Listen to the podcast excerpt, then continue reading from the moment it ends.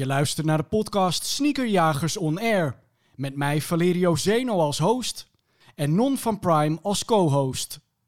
We zullen het hebben over alles rondom sneakers. Denk hierbij aan releases, de geschiedenis van sneakers, maar ook alles wat onze gasten bezighoudt. Je kunt onze podcast luisteren of zien. Dat doe je op Apple Podcast, YouTube en Spotify. Vergeet niet te abonneren, zodat je hem wekelijks als eerste kunt zien.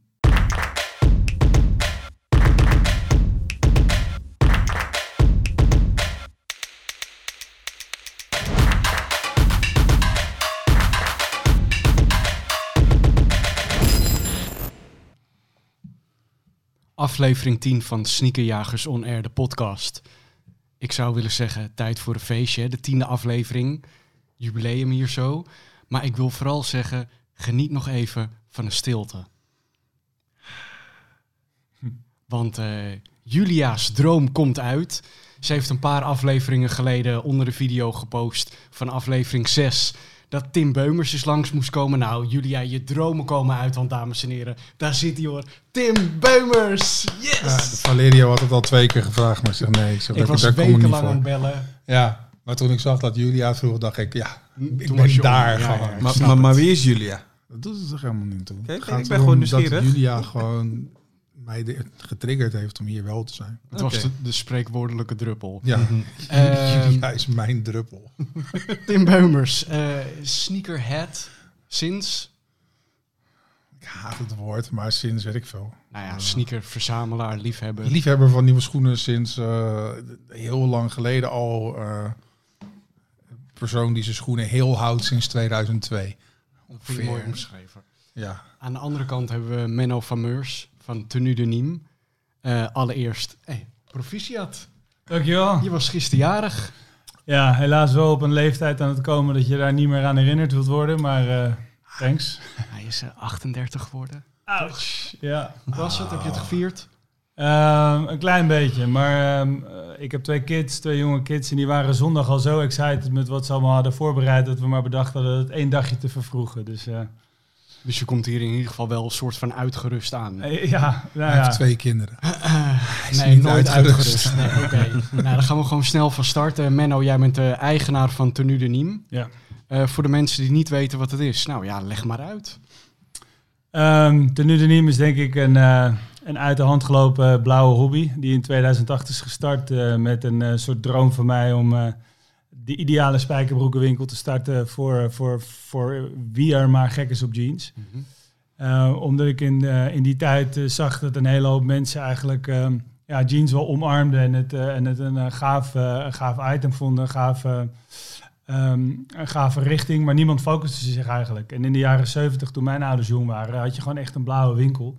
En daar kon iedereen een spijkerbroek kopen. En dat ben ik eigenlijk gaan doen. Maar en miste jij dan echt die perfecte spijkerbroek? Of waren er wel dingen waarvan je dacht, nou, dat zijn ook wel eh goede rakkers? Nou, zeker. Ik heb, eh, dat was juist het, eigenlijk het hele fenomeen. Ik, ik, ik zag dat, dat er heel veel was, maar er was eigenlijk nauwelijks een plek waar dat allemaal verenigd was. En op dat moment zag je steeds meer eh, ja, retailers in een soort niche duiken en, en daar gewoon echt ja, de mooiste dingen aan het daglicht brengen. En ik dacht, eh, ik ga dat met spijkerbroeken doen. Maar en, en wat deed je op dat moment toen al? Werkte je al in een winkel of deed je iets Ja, met het grappige is, ik ben eh, ik- een van mijn grote passies is sport. En ik ben ooit op een blauwe maandag eh, is, het me, is het me gelukt om in Rotterdam. die eh, vaak hoor. Blauw maandag? Sowieso, ja. Ik, ik ben in, een, in Rotterdam ben ik op een, op, bij Dakersport gaan werken toen ik 15 was. En eh, daar kon ik eh, me omringen met eh, de laatste vette sportgear. En ja, daar ben ik een beetje geïndoctrineerd met het retailvirus. Toen nog heel erg gevoed vanuit mijn passie voor sport. En een jaar later kwam ik, kwam ik in een, in een spijkerbroekenwinkel in Den Haag. En ik vertelde dat ik in een shop stond. En ik was eigenlijk alleen maar op zoek naar een spijkerbroek. En die gasten die, ja, die vroegen me eigenlijk van, wil je niet bij ons komen werken? En toen heb ik eigenlijk net zo lang eh, op het hbo en op de universiteit rondgehangen... totdat mijn ouders eh, niet meer voor de gek te houden waren. en ze zeiden van, Binder. ja, precies. Wat, eh, wat is het nu precies wat je zoekt? En uh, nou ja, toen ben ik er maar mee voor de draad gekomen. En uh, ben ik, ja, heb ik ze uitgelegd dat ik eigenlijk maar één ding wilde. En dat was niet het grijze pak en die leaseauto, maar een, een blauwe winkel. En, en hoe oud was je toen je dat, daarmee aan de slag ging?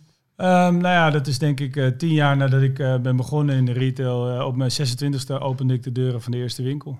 Zo. Ja. Maar en had je dan vooraf nog een bepaald onderzoek daarvoor gedaan? Nou ja, kijk, of was het echt, dat vind ik een mooi pand, let's go? Nou ja, het is wel een mooie anekdote. Ik, uh, mijn schoonvader eh, die had in de tijd al vrij snel in de gaten dat ik een beetje van het ongedurige soort was.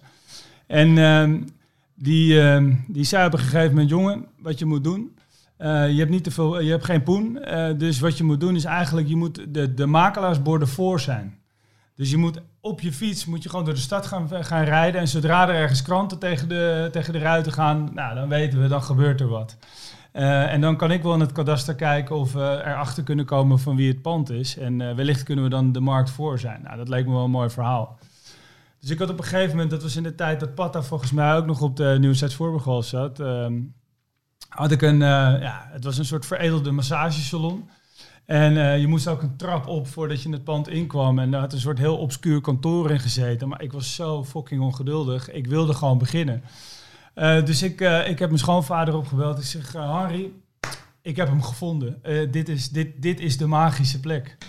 En nou ja, die lieve man die, die, die heeft toen nog het fatsoen gehad om vanuit Den Haag naar Amsterdam toe te rijden. En ja, die ging alleen maar voor het pand staan en die, die wilde er eigenlijk niet eens naar binnen. Die zei, dit is hem niet. En ik was natuurlijk helemaal teleurgesteld.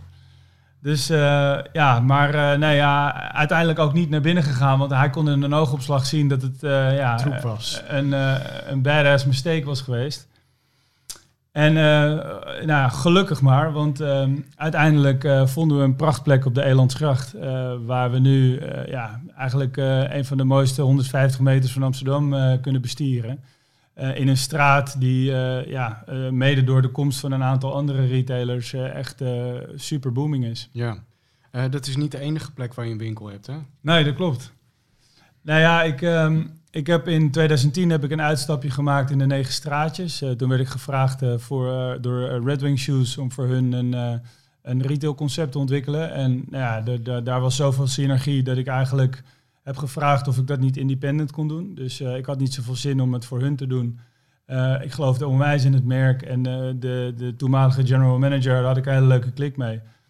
En ja, ze vonden het wel eigenaardig wat ik deed op retail vlak. Vooral met de manier waarop ik retail eigenlijk fysiek aanpakte.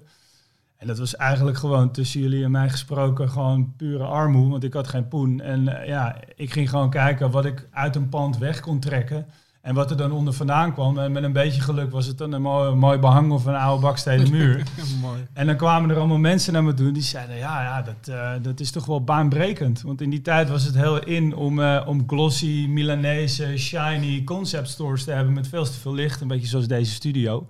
Thanks. En uh, ja, wat wij deden eigenlijk was gewoon uit pure armoe alles eruit trekken en dan maar hopen dat er wat onder vandaan kwam. En, uh, maar dan gaan mensen heel erg op zoek naar het waarom. Weet je, die komen dan binnen en die zeggen: Ja, nou ja, kan je eens uitleggen uh, hoe, hoe je tot deze beleving bent gekomen? En dan, ja, die teleurgestelde kopjes, als je dan gewoon zegt: Ja, dat is gewoon armoede. en uiteindelijk, eh, weet je, wat het wel tot gevolg had, is dat wij, wij wonen natuurlijk in Amsterdam. En Amsterdam is bij uitstek een stad die ontzettend veel schatten herbergt. Waar door de, door de eeuwen heen heel veel lagen overheen gegaan zijn. En op een gegeven moment is het ook een beetje ons trademark geworden om uh, juist de panden die we, uh, die we betrokken, om die ook helemaal in zijn oude glorie te doen uh, shinen. En dat was eigenlijk ook het, de manier waarop Redwing bij ons kwam. Even los van het feit dat het vanuit de Nudeniem een gelukkig huwelijk was. Mm -hmm. was het ook zo dat ze ja, gefascineerd waren door de eigenwijze manier waarop wij retail eigenlijk benaderden. Maar en dus dat, dat was dan even een uitstapje in de negen straatjes. Ja. En maar, maar je Twee winkels. Ja, en toen in, in 2012 uh, zijn we gestart uh, op de Haarlemmerstraat. En daar echt uh, ja, een kanon neergezet van 300 vierkante meter. in eerste instantie omdat we de dames beter van dienst wilden zijn. Omdat de Elandsgracht is toch een beetje een blauwe grot. Eh, we hebben daar, eh, je kunt daar een enorme mooie roze jurk met, eh, met tulpen in de window hangen. En, en dan nog steken de dames hun hoofd om de, om de hoek en zeggen, is dit ook voor ons?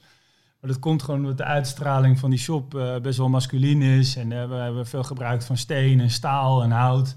Dus niet per se heel vrouwvriendelijk. Schrikt eerste de dames een beetje af. Het, ja, een klein beetje, ja. dus dat was eigenlijk de, de belangrijkste reden waarom we die, die grotere winkel op de Haarlemmerstraat eh hebben, eh, hebben aangenomen. Omdat we daarmee ook ja, de dame echt een, een podium konden geven binnen ons concept. Althans, daar hebben we een poging toe gedaan.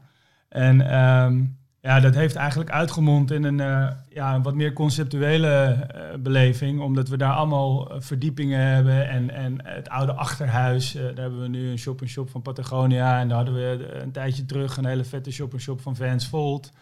Eh, dus, dus die ruimte die leent zich heel erg voor om, eh, om, om gave shit te doen. En, en creatief te zijn en ook mensen elke keer weer te verrassen. Maar je begon dan met je eerste winkel eh, eigenlijk aan het begin van de crisis, of niet? Nou, sterker nog, eh, een maand nadat wij open gingen, eh, viel Lehman Brothers om. En er waren al die doemdenkers die eigenlijk al in het begin tegen mij zeiden van... Pik, luister, ga het niet doen, want eh, je, hebt gestudeerd. eh, er zit best wel een oké kop op. Ga wat doen met je leven, weet je. Je, bent nu al vanaf je zestiende ben je je leven aan het vergooien met spijkerbroeken. Eh, en ja, toen, toen uiteindelijk de crisis echt uitbrak en ja, allerlei crisissen daarop volgden, ja, zijn er natuurlijk een hele hoop mensen die hebben geprobeerd om, om in die zin hun, hun gelijk te halen en te zeggen, ja, zie je nou wel. Dat was echt een fucking slecht idee. Maar was het dan een voordeel dat, je, dat de crisis nog net niet helemaal lekker begonnen was? Omdat je anders misschien niet aan het geld was gekomen? Als je drie jaar later was geweest? Nou, eh, ja en nee. Eh, ik denk absoluut dat, eh, dat het financieren van retail na 2008 eh, alleen maar meer Mission Impossible is geworden. Ehm, hoe oneerlijk ook. Ehm, maar ik denk ook wel dat, dat we inderdaad wel geluk hebben gehad. Dat we, we, hadden, we kregen een heel klein rekening courantkredietje van een bank. Eh, we hebben eh, de laatste spaarcenten van eh, mijn toenmalige compagnon uit zijn sok getrokken. Ik had nog wat centen liggen. Bij ons beide ouders een deel van hun pensioen losgepeuterd. waarvan mijn vader later zei dat het zijn hele pensioen was. Dus God forbid wat daar was gebeurd als ik het niet gered had. Uh, maar om maar aan te geven dat uh, ja, we, we, gingen all in. En het was nog steeds uh, ja, eigenlijk een minimumbudget. Maar dat maakte wel dat, ja, dat wij eigenlijk in die shop stonden met onze borst vooruit. En ons kon niks gebeuren, want onze droom was opeens realiteit. En um, wij hadden, een, uh, ja, we hadden vrij snel door dat, dat, we een, dat we een tijd ingingen waarin je gewoon kleur moest bekennen. Hè? En, en dat gebeurde eigenlijk al in 2008. En dat zie je nu steeds meer en steeds extremer dankzij internet. Maar je moet gewoon super duidelijk zijn in wat je bent. En uh, ja, wij hadden de, de meest crazy... En, en dan bedoel je in wat je aanbiedt? Ja. ja. En wat je uitdraagt. Ja. En want je moet je voorstellen, um, kijk, toen zaten we nog helemaal aan het begin van internet. Uh, dus weet je, er waren echt maar alleen echte super innovators uh, die, die hadden in 2008 uh, de, de, beschikking over webshops. Uh, laten we zeggen dat de early adapters in 2010 een beetje established waren en, en de rest volgde later. Maar zelfs toen al was het in het, in het retailklimaat was het dusdanig druk dat, dat je gewoon super duidelijk moest zijn. En dat ja, je op een gegeven moment ook je niche kon masteren. En, en een beetje op zijn Japans uh, ja, elke keer uh, polijsten en, en, en, en verder perfectioneren. Waardoor ja, wij oonden die spijkerbroek. En ja, veel van onze liefde voor spijkerbroeken kwam uit, uit Amerika en Japan. Mm -hmm. En daardoor ging het concept zich door de jaren heen steeds meer vormen. En, en werden wij vanuit, uh, vanuit jeans, werden we eigenlijk ja, vrij snel een soort hub met alles wat maar met Amerika en, en Japan te maken had.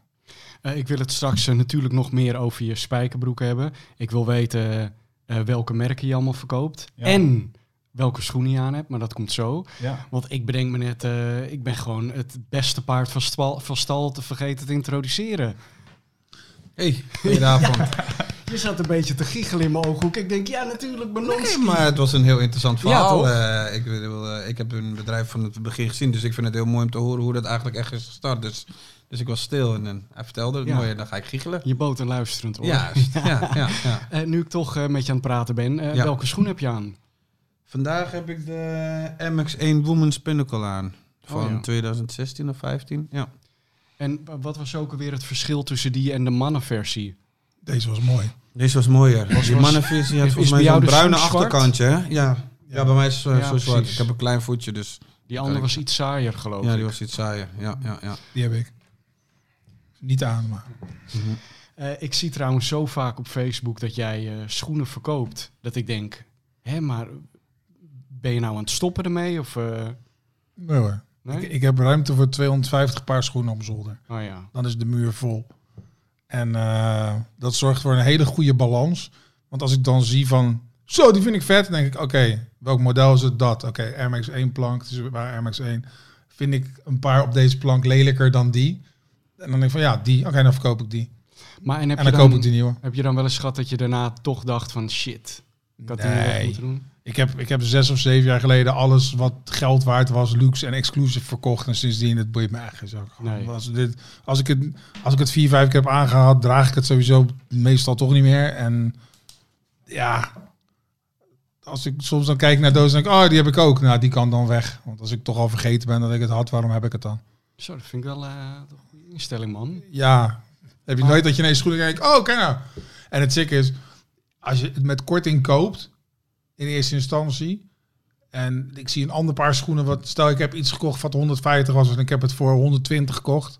En nu zie ik iets van 150, wat, ook 100, wat ik ook voor 120 kan kopen. Dan pleur ik die gewoon voor 120 online, eh, die ik vijf keer heb gedragen. Zeg je, oh, die wil ik wel. Eh, Of soms krijg ik iets meer en dan verkoop ik ze. Dan heb ik en nieuwe schoenen en geld. En, en vanaf wanneer eh, kwam dat systeem bij jou door dan? Toen de muur vol was. Dat was in 2012 of zo. Oh ja. En ik wist ook van, als ik nu nog een plank neem, het is gewoon, als ik zo'n hok zoals daarboven, het zou leeg zijn, dan koop ik in drie weken dat, dat vol gewoon. Weet je? En ik wist van, oké, als ik nu nog een plank zet, dan ga ik zomaar 30, 40 paar kopen voor, voor wat. Ja, ik heb ook heel erg, ik probeer dan te minderen en het gaat echt wel goed, maar ik heb dan ook, bij mij staat het op planken in stapels van drie. En dan heb ik bijvoorbeeld, dan staat er hier één doos en dan denk ik, ja, maar als ik er dan nog twee bij koop, is het weer een stapel Ja, ja, ja. Dus soms dat. ben ik gewoon zo aan het aanvullen, wat natuurlijk echt helemaal Ja. nergens op slaat. Ja, maar het, het, kutste daaraan is dat je het weet en dat je het toch doet. Ja. Ik, ik ben echt een loser. Nou en. Ja. Dat, dat is een lekker gevoel. Ja, ja. wat moet ik doen? Welke schoen heb je nu aan? Eh, Hoe, eh, hoe heet er deze? Los Primeros. Eh, ja, Los Primeros. Topschoentje. In het echt veel mooier als, in, als op Ja. het lijstje. En van waar hebben ze deze naam? Is hij ergens op Het is uh, Latin History man volgens mij. Maar ik vind, zodra een sneaker dat hyperfuse heeft, ja? dan is het, ik weet niet man, ik ben niet zo van, oh shape, shape, shape. Maar dit, is mooi. Hij is mooi ja, het is altijd strak. En ik heb deze zeker al ja, best wel vaak aangehad. Dus eigenlijk zou ik ze moeten verkopen, maar ik vind ze te tof. Maar ze zien er uit alsof ik ze één keer heb aangehad. En ik, de details zijn gewoon vet. Ja. Dit was ook cool. Die gozer die heet Wassafu. En ik ben erachter gekomen dat, dat ze een graffiti doet uit Brazilië. Maar ik ben erachter gekomen dat zijn naam slaat op als er iemand in een karatefilm What's up fool zegt. What's up fool? ja, ik denk ik van, Sol is ook mooi. ja, weet je, het, het ehm, ah, vet. Ik vind het eigenlijk een van de tofste op OG MX1 gebaseerde schoenen die uit is gekomen. Ook speciaal voor jou doe ik dat aan. Ja, vind ik leuk. Dat waardeer ik enorm. Want Ja. eh, wat mensen misschien niet weten is dat wij gaan eh, way back. Ik heb het vandaag aan iemand laten zien, ja. Oh. Ik weet nog dat ik dat, dat je en dat ik ook zei van ja, ik was daar net een half uur wakker. En ik wou bijna persik thee meenemen om het. eh, Oh ja, shit, dat Ja. had je moeten doen. ja.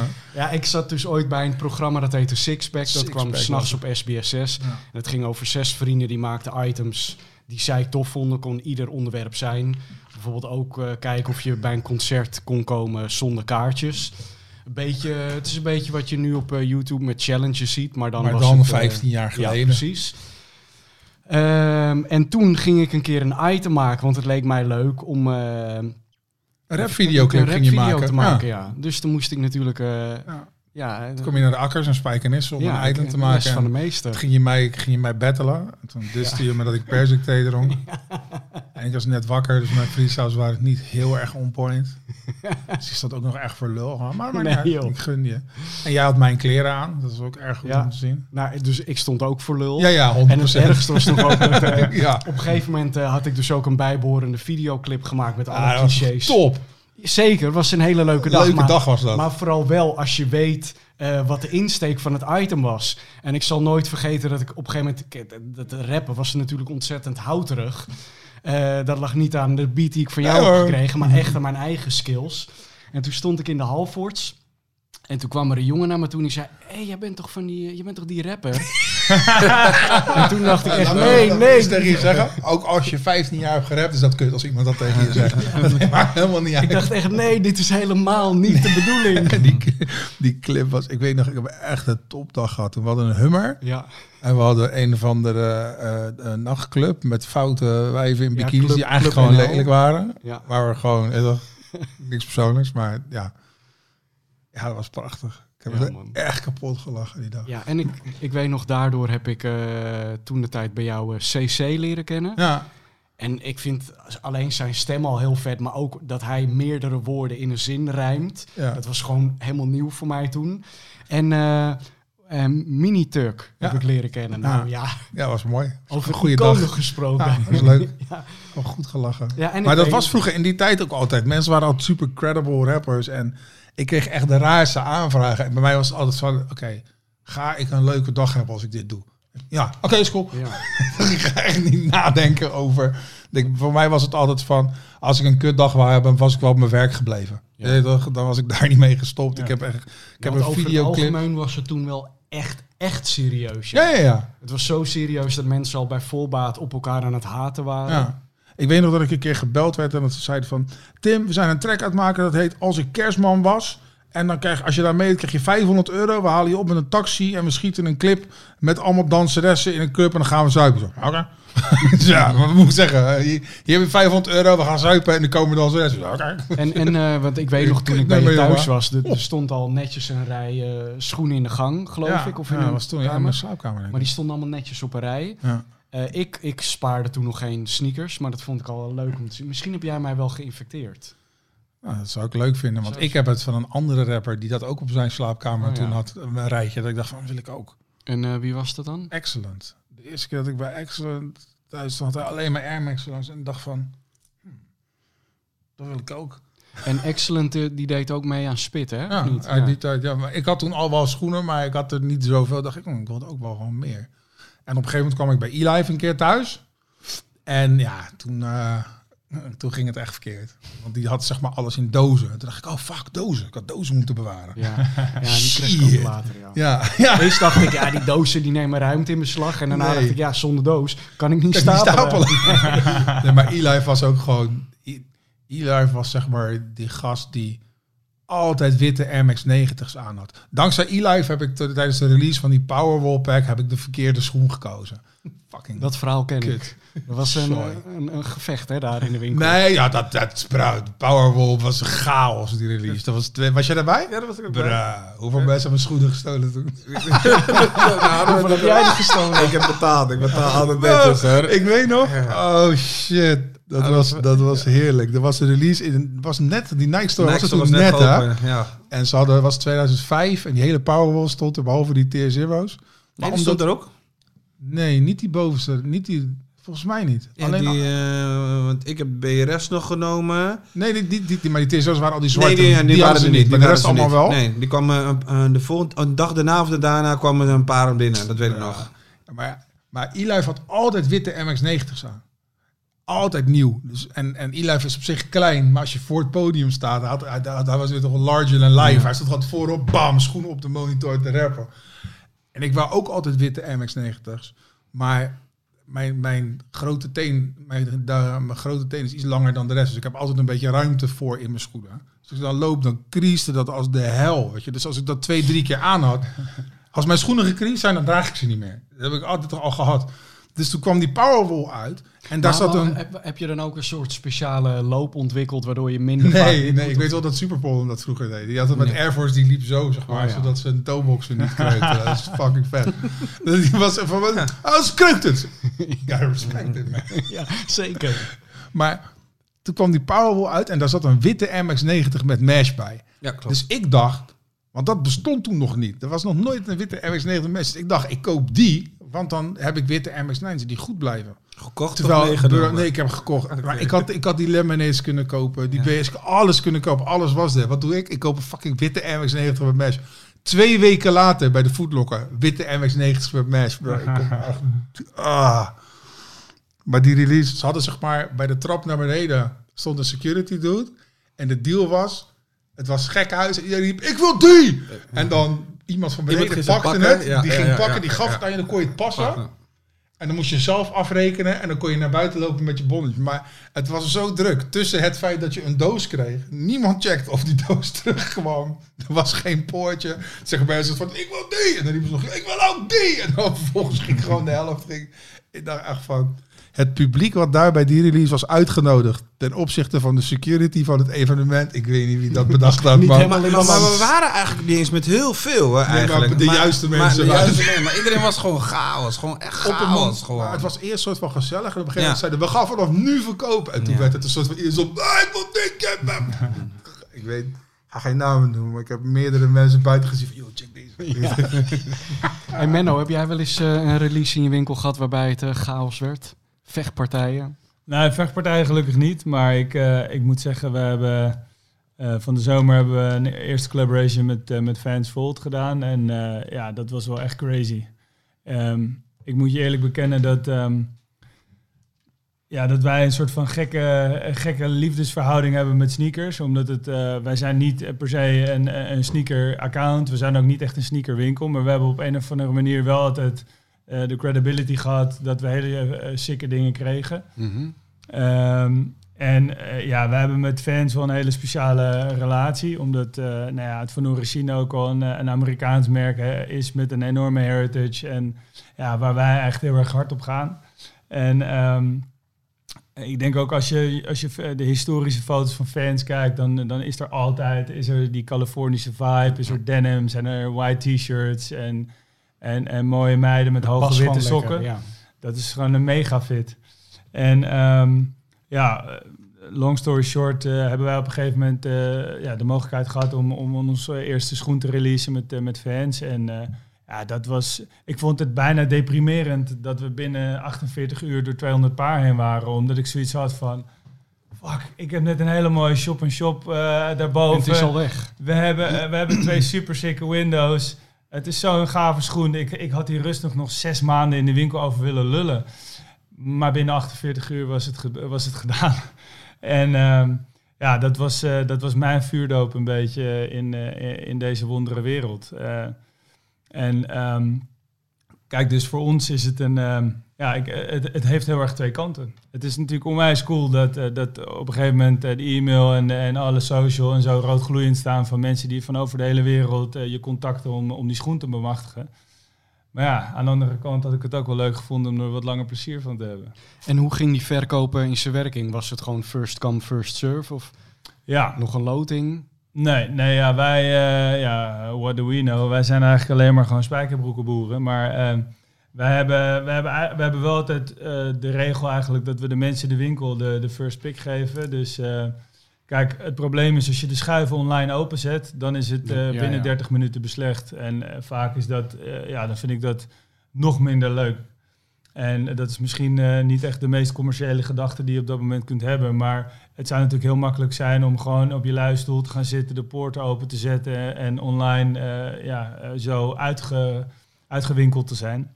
Maar wij vinden het wel te gek om, om ook aan onze vaste klanten eh, de mogelijkheid te geven om die schoen te bemachtigen.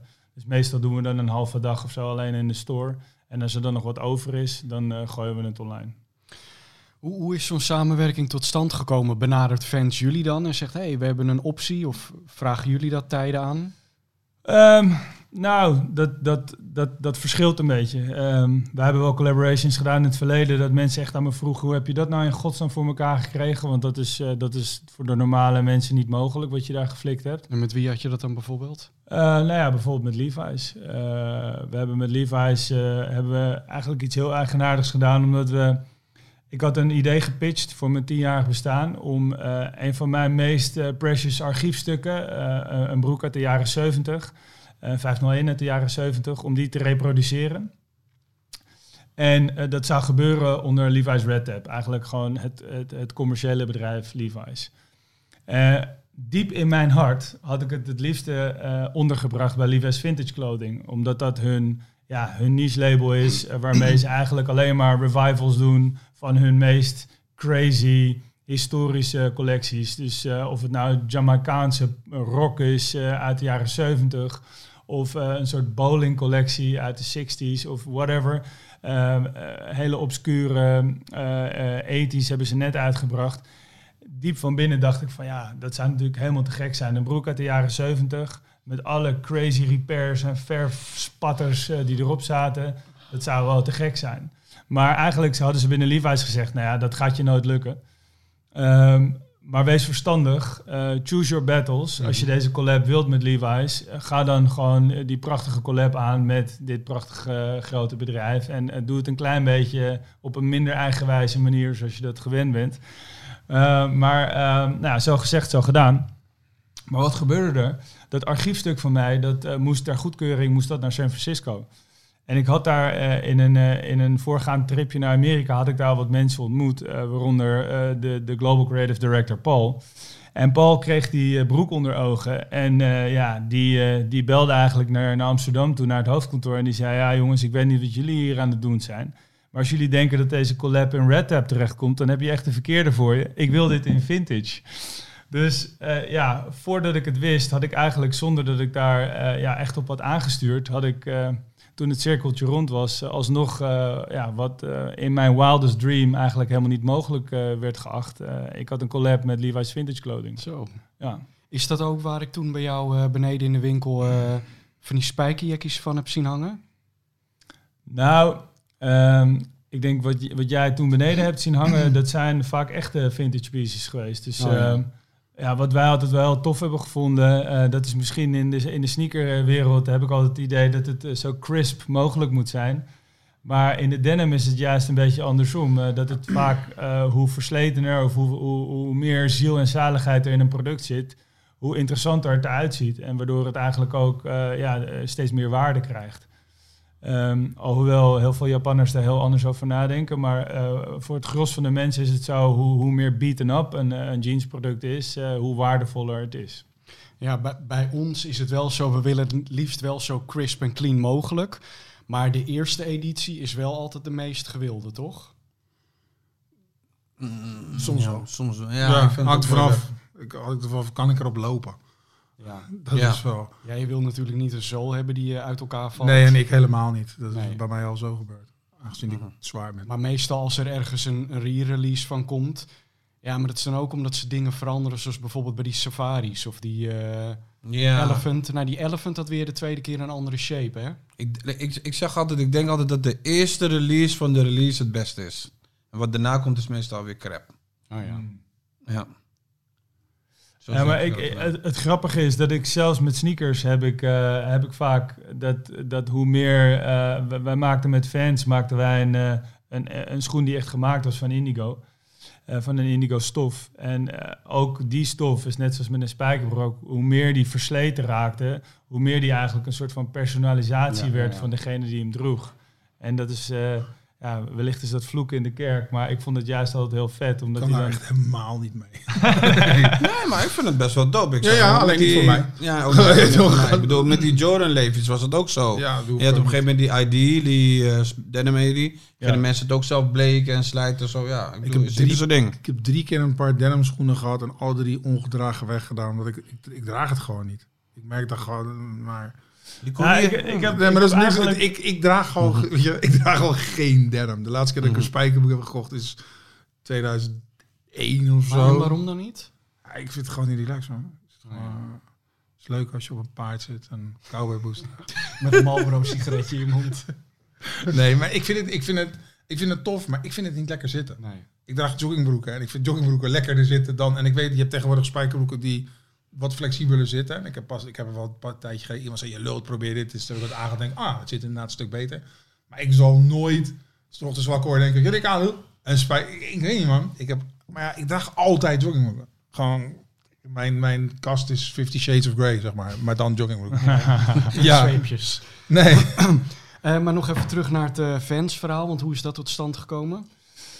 Nou ja, ehm, op een gegeven moment eh, zeggen ze wel dat eh, het gaat er niet om wat je kent, maar om wie je kent. En eh, wij hadden op een gegeven moment een, een, bijzondere relatie met een aantal mensen bij fans. En ja, dan wordt zoiets je gegund op basis van je track record, maar ook op basis van... daar zeiden we het voor de uitzending, al, hadden we het er al even over of er een goede kop op zit. En ja, of ze jou die, die, die release gunnen. Ja.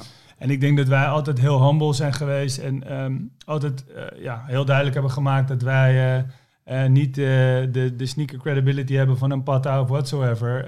Daar zijn zij de, de kings in en wij doen een ander ding.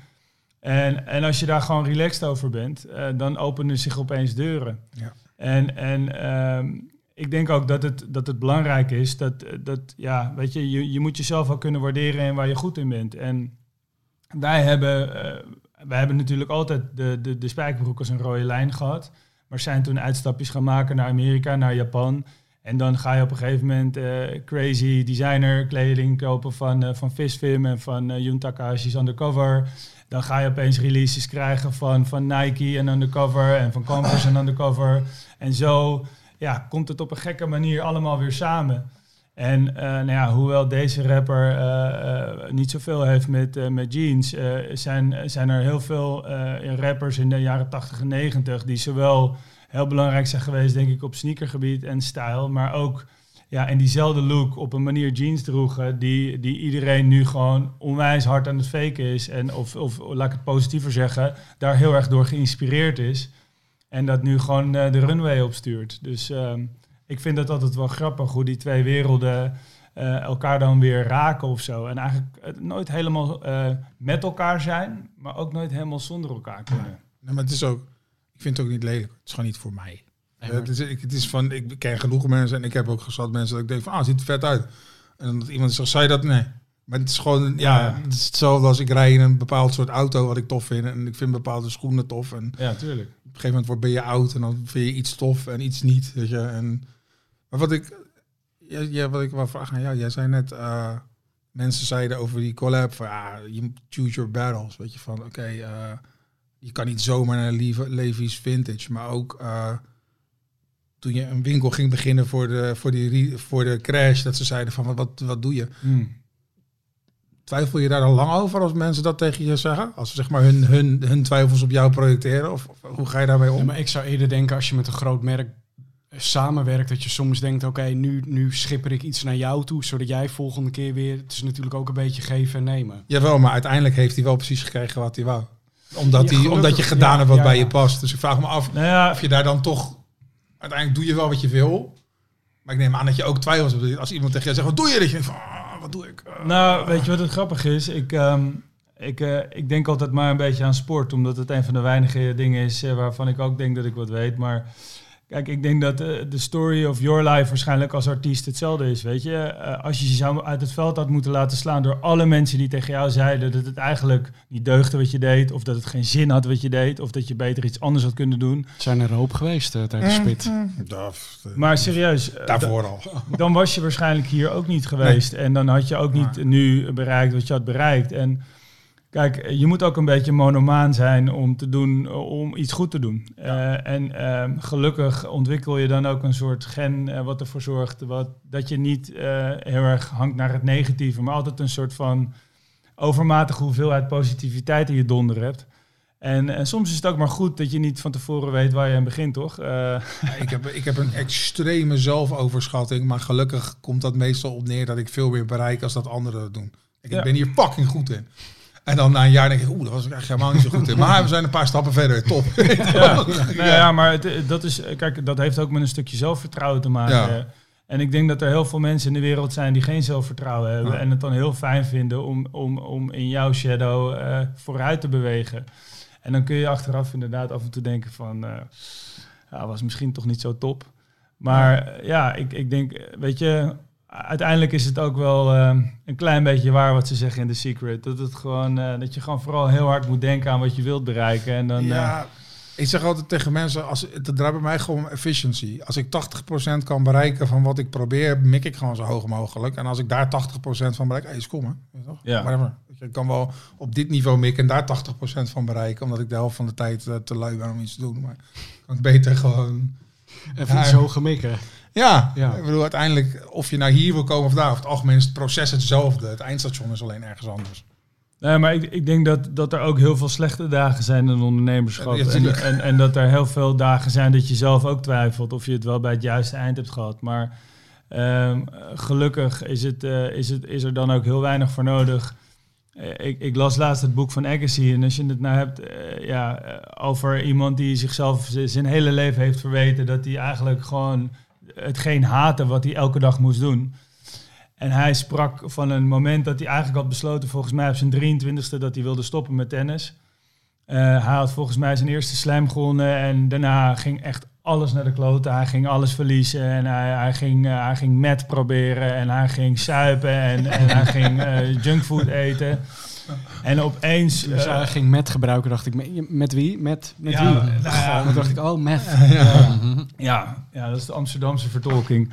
Uh, nou ja, eh, maar dan opeens eh, wint hij één pot en hij heeft weer een, een soort van visioen en hij weet het opeens weer. En ik denk dat dat ook over ondernemerschap gaat en dat je ook gewoon, ja, die extra maal altijd moet lopen. En, en dat geldt ook voor, voor dit soort partnerships. Kijk, als je het bescheidenste jongetje van de klas bent en altijd achterin op je beurt wacht, dan gaat het waarschijnlijk nooit gebeuren. Maar eh, ja, een klein beetje eh, doordouwen en, eh, en ook wel meer doorzettingsvermogen hebben dan, dan anderen.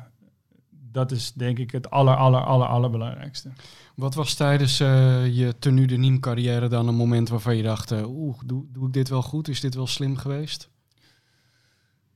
Eh, nou, heb je even. Ehm, kijk, ik denk dat er heel veel, eh, heel veel momenten eh, zijn geweest. Ehm, ik denk een van de, van de belangrijkste veranderingen is, de, is dat wij met internet te kampen kregen. En dat zullen alle sneakerboys eh beamen. Kijk, op een gegeven moment kon je in de, in de oude situatie, kon je door geografie, kon je gewoon je, je markt beschermen. Dus je kon in Amsterdam kon je iets claimen, of je kon in Nederland iets claimen, of in, in de, de provincie.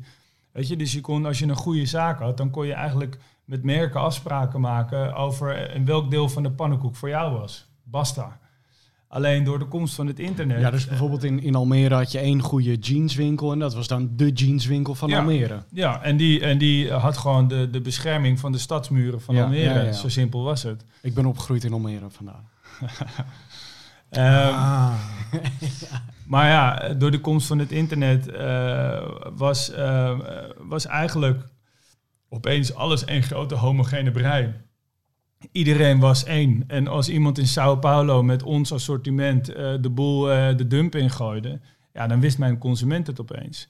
En in het begin, om op je vraag terug te komen van waar heb je dan een fout begaan? Ik, ik was zo ongeduldig met internet. Wij waren een van de eerste die online gingen.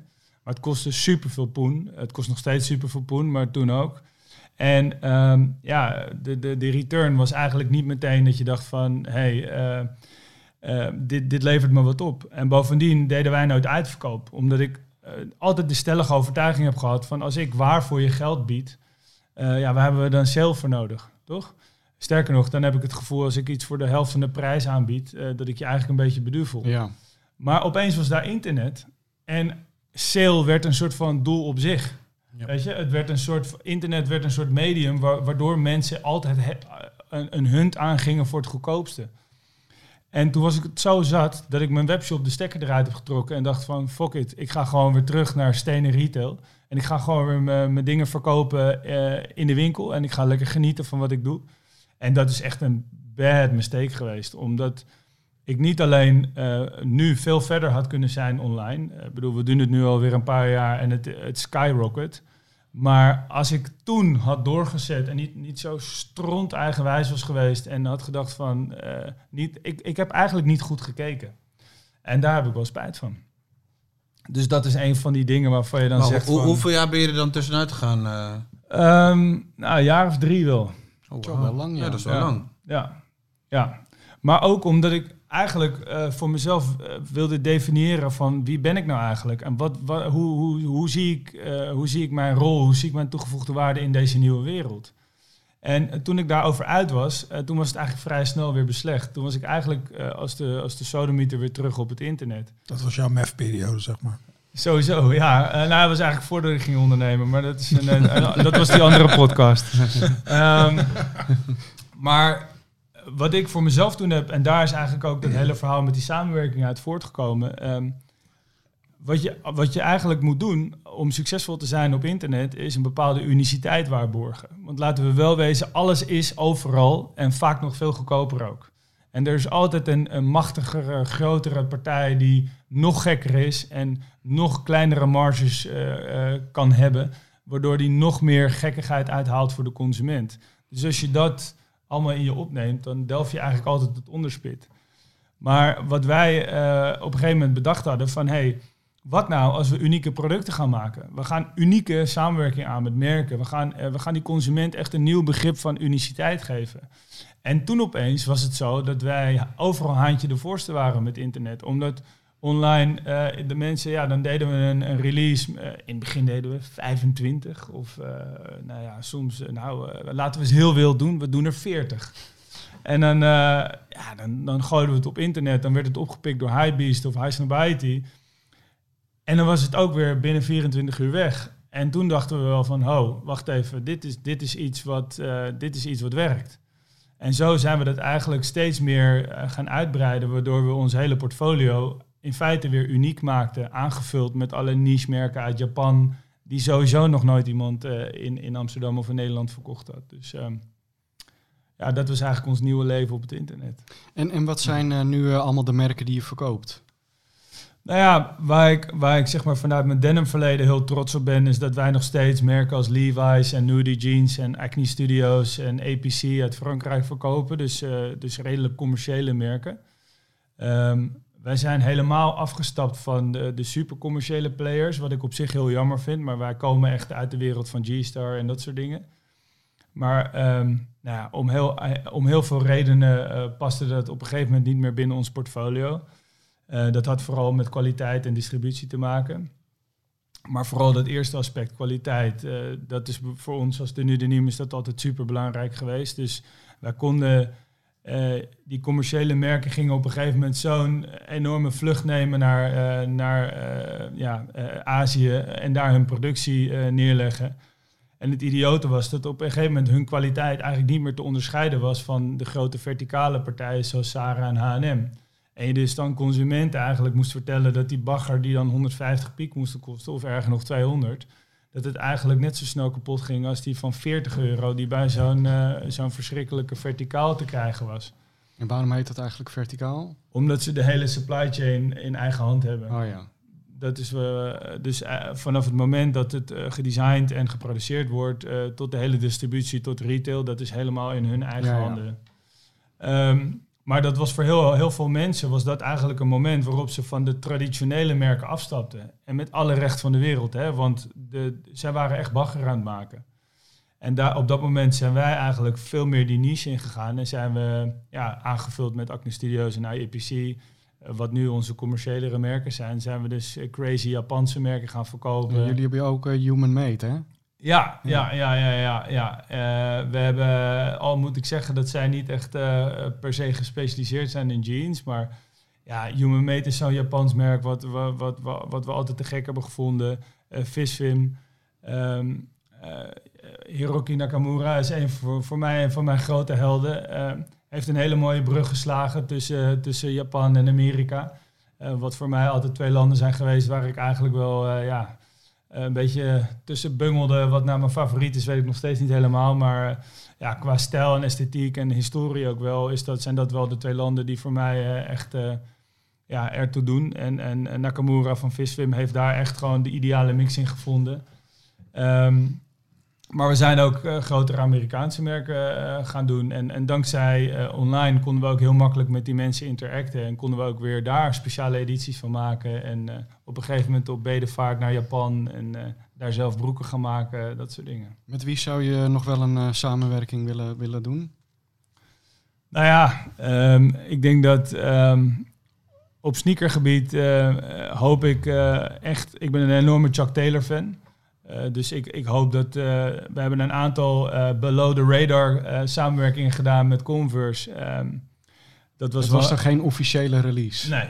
Nee, wat wij eigenlijk deden was, we hadden ook weer wat vriendjes in Boston en hier in Hilversum zitten. En die werden op een gegeven moment zo gestoord van mij dat ze zeiden van, weet je, koop gewoon witte chucks, ga er iets mee doen, Scheid maar laat mij met rust. Rot En nou ja, zo geschieden. Eh, met als idioot gevolg dat, eh, dat wij, wij hadden besloten om, eh, om die Chucks, de Chuck 70 is, een, is, mijn- is mijn favoriete Converse, omdat het eigenlijk een soort personificatie is van de, van de Chuck zoals die in de jaren 70 werd gemaakt met een goed voetbed. Waarop Nou, gebasketbald wel, ja, want dat is wel even een verschil. Enorm verschil. En mooie gumzool en gewoon echt een kwaliteitsschoen.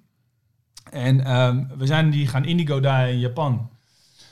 Eh, met als gevolg eh, wederom veel te bescheiden ingezet. We dachten, oeh, nou eh, laten we er eens 50 op sturen, weet je wel. Met als gevolg dat het werkelijk waar online echt explodeerde. En dus ook dat bericht via nou ja, alle kanalen Boston had bereikt. En er dus telefoontjes kwamen. Hebben die collega het nou toch voor elkaar? Wat is dat met die blauwe schoen van Tenue de Niem? En nou ja, gelukkig konden de jongens die er daarvoor verantwoordelijk waren toen gewoon zeggen... ja, dat is allemaal out of our hands. Eh, wij, eh, wij weten alleen maar dat, eh, dat die gasten weer iets raars op, op stapel hebben gehad. Eh, lang verhaal kort, toen gingen ze dat wel supporten. En toen hebben we een aantal hele vette runs gedaan. En hebben we hebben nog een, een pink dye gedaan en hele vette dingen kunnen doen. Semi below the radar. Maar eh, dat lijkt me nog wel eens heel vet om, eh, om echt een officiële tenue de eh, uit te brengen. in een soort van revival van hun Stars and Bars of zoiets dergelijks. Maar wel leuk hoe je iedere keer dan toch bereikt wat je wil... door vast te houden aan wat je zelf een tof idee vindt. Ja, nou ja, het is gewoon stubborn as hell. En, en inderdaad ook ja, gewoon af en toe misschien een klein beetje tegen beter weten in blijven beuken. Ja. En eh, ik, ik weet nog wel dat een vriend van mij, eh, die ik altijd wel als een mooie inspiratiebron zie, eh, toen hij 25 keer bij hetzelfde hoofdkantoor binnen was geweest om zijn accessoirelijn te verkopen, dat hij op een gegeven moment, toen hij weer bij die balie stond en weer tegen die mevrouw zei dat hij voor die en die persoon kwam en dat hij namens dat en dat merk binnenkwam, dat hij op een gegeven moment een hele grote slagroomtaart heeft gekocht. En zei, deze slagroomtaart is voor jullie, want ik eh, kom jullie feliciteren. Want jullie zijn het eerste bedrijf dat mij na 30 keer nog steeds geen afspraak heeft gegeven. Waarop de deur open ging en eh, hij met de lift naar boven kon en inderdaad eh, zijn, eh, zijn verhaal kon doen. En uiteindelijk dus shit verkocht heeft. Dus eh, ja, Taart. Je bent het waard. en zo is het. Tim, heb jij eigenlijk voor een paar schoenen zo lang, zo vaak werk moeten maken om hem te kunnen bemachtigen? Nee, dan fuck hem. Ja, echt? Ja, ik doe echt geen moeite voor schoenen. En wat was dan een schoen die je wel zou willen, maar waarvan je denkt, ja, die moeite ga ik niet doen? Eh, ik wou toen die Atmos Duckkamer zo graag hebben. Maar ja, in mijn maat, weet je, was een Aziatische release volgens mij. Nou, dat is in mijn maat zo goed als niet te doen. Welke De- maat heb je? Eh 12 of 13, afhankelijk van de schoen. Welke Maar Europese maat is dat? 46,5, 47,5, Oh, zoiets. En de laatste waar ik wel, nou, dat is dan voor mij veel moeite. Je had die Elephant eh Air Max 1 met die Jordan logo onderop, Ja. samen met die Jordan 3. Die, die pack, die wilde ik fucking graag hebben. Maar daar Ik, heb ik ik, zag die hele pack pas na de release. Dat ik echt dacht, shit, als ik dit wist. ik wist een negen maanden voor die shit uitkwam, had ik een plaatje gezien dat het zou komen. Toen heb ik Edson ge- eh, een appje gezien van bro, als deze uitkomt, laat mij die 13 hebben. Hij zegt, "Wa- wanneer komt dit? Ik zeg, dit komt dan. En ik weet, Okium had ze... Ik had bij Okium gecheckt, ik had bij eh Edson gecheckt. Als die maat binnenkwam, was die voor mij is niet gekomen. Dat was geloof ik twee maat 13 waren in Europa en die waren bij End Clothing. Ja, die kon gewoon vergeten. Het eindstand gingen ze voor 1100 op stok. Ik zei, ja, pak af. Laat maar zitten. Nee. Het is niet zoals je een, een buitencategorie maat hebt dat je juist altijd eh, je maat... Nee, eh, helemaal Zijn niet. maat is Juist niet. Oh ja? Ja, Ja, dus het hele Het raar is dat heel veel sneakers worden gewoon niet... Volgens mij is voor één, voor één paar maat 13 in een maatserie zijn er geloof ik vijf paar maat 9, zes paar maat Ja. 9 of zo. En er zijn zoveel mensen die lang zijn. Die gewoon maat 46, 47. Daarom kan ik mijn schoen ook altijd heel snel kwijt. Ik heb gewoon, als ik iets verkoop, ik heb gewoon iets van twintig gasten Oh, in ja. Nederland die mijn maat hebben. En ik weet van, die vindt allemaal... Ik, ik, Ja, ja, Ze komen meestal niet eens op Marktplaats of whatever. Ik zo, "Appen, moet je deze? Dat is het bedrag. Oké, okay, school, oké, oké. Eigenlijk ben je gewoon curator. Ja, ja ik, ik hou het even vast voor je. Ik weet nog, ik had, ik had ook ooit een paar wat ik doorverkocht heb. Gasten die zeiden van, deze kopen we gewoon met z'n drieën. Ik heb deze schoen drie maanden en dan de volgende drie maanden drie. Ik denk, die zijn echt nasty motherfuckers.